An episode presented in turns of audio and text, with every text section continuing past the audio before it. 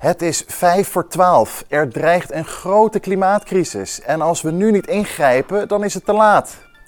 Dit soort uitspraken horen we nu aan de lopende band. Klimaatverandering is een nieuw doemscenario dat de politieke en bestuurlijke elite uitbuit om de controle op de samenleving te vergroten. Maar hoe zit het nou eigenlijk met klimaatverandering en met CO2? Is dat inderdaad ook allemaal een hoax? Is er geen enkel probleem met de aarde en met het milieu? Of is dat er wel? En zo ja, wat moeten we er dan tegen doen?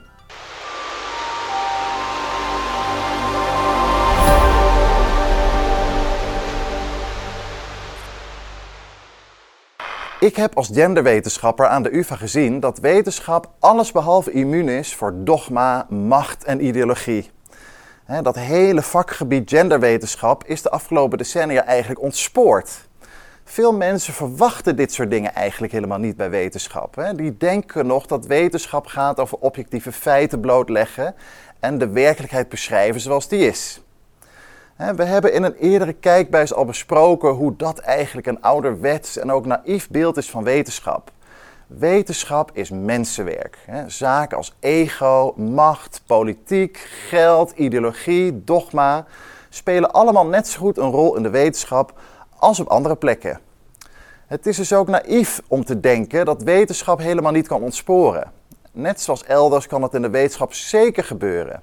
Een organisatie of een bedrijf of politieke organisatie kan ontsporen en corrumperen, jaren of zelfs decennia achter elkaar. En dat kan bij een heel wetenschappelijk vakgebied ook gebeuren. Ik zie in de klimaatwetenschap een aantal grote problemen. En ik wilde even hier vijf aanstippen. Het eerste probleem is het, de grote rol van het IPCC in de klimaatwetenschap. Dit is het klimaatpanel van de VN. En dat is eigenlijk een ivoren toren. Dat panel dat stelt zich vergelijkbaar op als het OMT tijdens de coronacrisis. Het idee is, daar zit alle kennis, daar zit alle wijsheid en expertise. Maar in werkelijkheid is het IPCC juist een besloten club met mensen die op een vergelijkbare manier denken en met vergelijkbare theoretische en methodologische principes werken. En dit hangt samen met mijn tweede kritiekpunt op de klimaatwetenschap en dat is het gebrek aan pluriformiteit. Wat we zien is dat klimaatwetenschappers die kritisch zijn of die anders denken, die worden al jaren weggezet. Die worden buitengesloten. Dat zouden klimaatontkenners zijn. Terwijl het juist wemelt van de kenners over het klimaat die kritisch zijn op de zogenaamde consensus die nu zou bestaan. Er is dus ook in de klimaatwetenschap, net zoals in de genderwetenschap, sprake van een cancelcultuur, waardoor de consensus, waar nu we zoveel over horen, is eigenlijk afgedwongen. Een derde probleem van de klimaatwetenschap is het grote gewicht dat wordt gehangen aan de klimaatmodellen. Dat zijn eigenlijk computermodellen waarmee men probeert om scenario's te voorspellen over hoe het klimaat zich zal ontwikkelen. Modellen zijn heel nuttig en ook interessant, maar als ze te veel gewicht krijgen, dan gaat het niet goed. Want modellen zijn toch altijd nog simplistische weergaven van de werkelijkheid. En de voorspellingen die uit die modellen komen rollen, die zijn dan ook eigenlijk altijd heel onzeker. Het grote gevaar van de klimaatwetenschap is dat vergeten wordt dat de modellen niet de werkelijkheid zijn, maar een poging om de werkelijkheid te benaderen. Dus de onzekerheid en de onnauwkeurigheid van die modellen, die wordt heel gauw onderschat in de klimaatwetenschap. Ten vierde spelen geldstromen een grote rol in de ontsporing van de klimaatwetenschap. Wetenschappers die moeten fondsen aanvragen voor een onderzoek. En het is al decennia zo dat onderzoek naar bijvoorbeeld vogels, bossen, gletsjers, etc. Die worden sneller gefinancierd als die uh, in de context van de klimaatverandering worden opgesteld dan wanneer dat niet zo is. Wat er dus gebeurt, is dat veel wetenschappers een onderzoek naar de consensus in de klimaatwetenschap toeschrijven. Dan hebben ze namelijk meer, meer kans op geld. Op die manier wordt die consensus eigenlijk steeds opnieuw bevestigd. En de klimaatwetenschap wordt op die manier steeds meer een echokamer. Het vijfde kritiekpunt op de klimaatwetenschap is dat politiek en bedrijfsleven eigenlijk heel veel druk zetten op het IPCC en op de rapporten die het IPCC publiceert. En zij uh, beïnvloeden op deze manier dus ook de klimaatwetenschap. Rondom elk klimaatrapport dat wordt uitgebracht ontstaat een grote lobby. En in die lobby proberen allerlei partijen hun eigen belangen zo goed mogelijk te vertegenwoordigen. En die lobby die is helemaal niet transparant. Dus we weten niet zo goed wat daar gebeurt, terwijl die lobby wel een grote invloed heeft op de wijze waarop het IPCC de bevindingen presenteert en welke keuzes ze maken over wat er wordt uitgelicht in die rapporten en wat er juist wordt weggeduwd. Nou, Dus vijf kritiekpunten op de klimaatwetenschap. Maar betekent dit alles nou ook dat de klimaatwetenschap één grote zwendel is en dat er helemaal geen door mensen veroorzaakte opwarming van de aarde gaande is? Nee, dat betekent het absoluut niet. Het is nog altijd zo dat de mens in de huidige tijd een ongekende hoogtechnologische wereldwijde beschaving heeft gebouwd. En onze industrie, die over de hele aarde uitspant, die heeft invloed. Ook op onze hele planeet. Klimaatverandering is van alle tijden, maar die huidige klimaatverandering die wordt ongetwijfeld ook mede door de mens veroorzaakt. Wel is het zo dat de klimaatwetenschap door alle genoemde problemen flink uit balans is. Er is eigenlijk sprake van een hyperfocus, een hyperfocus op CO2.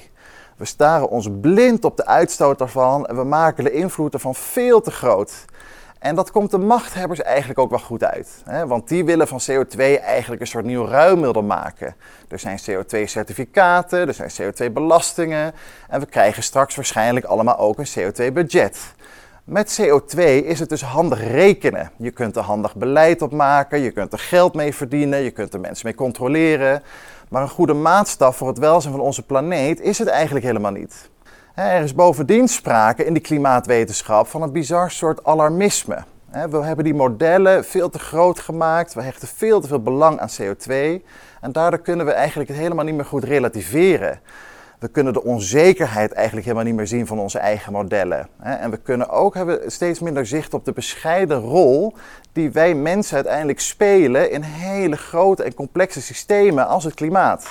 Het is belangrijk om kritisch te zijn op wetenschap en ook op klimaatwetenschap. Dat maakt je helemaal geen wappie of een klimaatontkenner die klimaatwetenschap die is gewoon ontspoord. Er is een soort obsessie ontwikkeld met modellen en met CO2. Er zijn allerlei abstracties gemaakt waarmee de illusie wordt gewekt dat wij in controle kunnen zijn over zoiets complex als onze planeet en ons klimaat.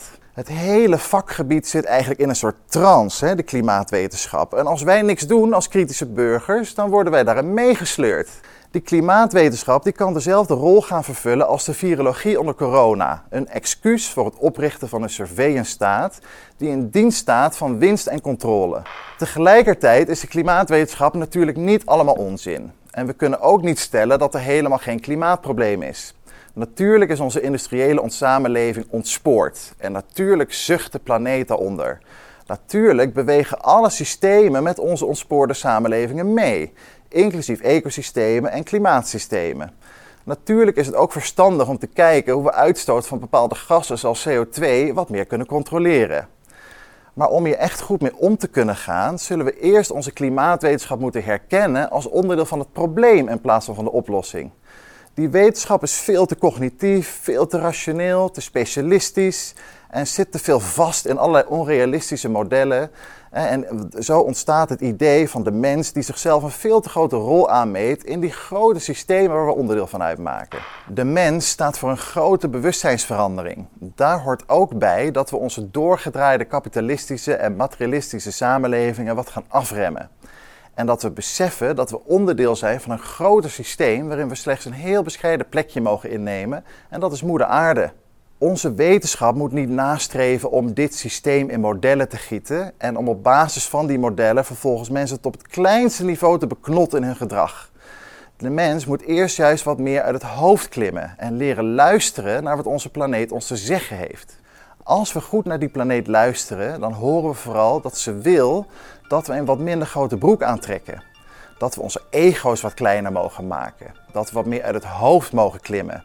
Dat we wat meer rust mogen hebben bij het idee dat we veel nooit echt goed zullen weten en begrijpen. Dat we minder moeten proberen om alles tot op detail te willen beheersen en te controleren.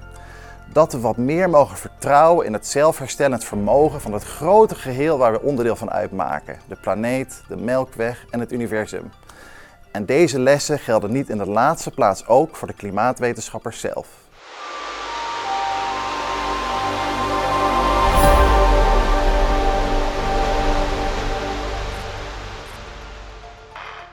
Vind jij het belangrijk dat dit soort video's gemaakt worden? Abonneer je dan op onze nieuwsbrief en overweeg een donatie via blackbox.tv/doneren.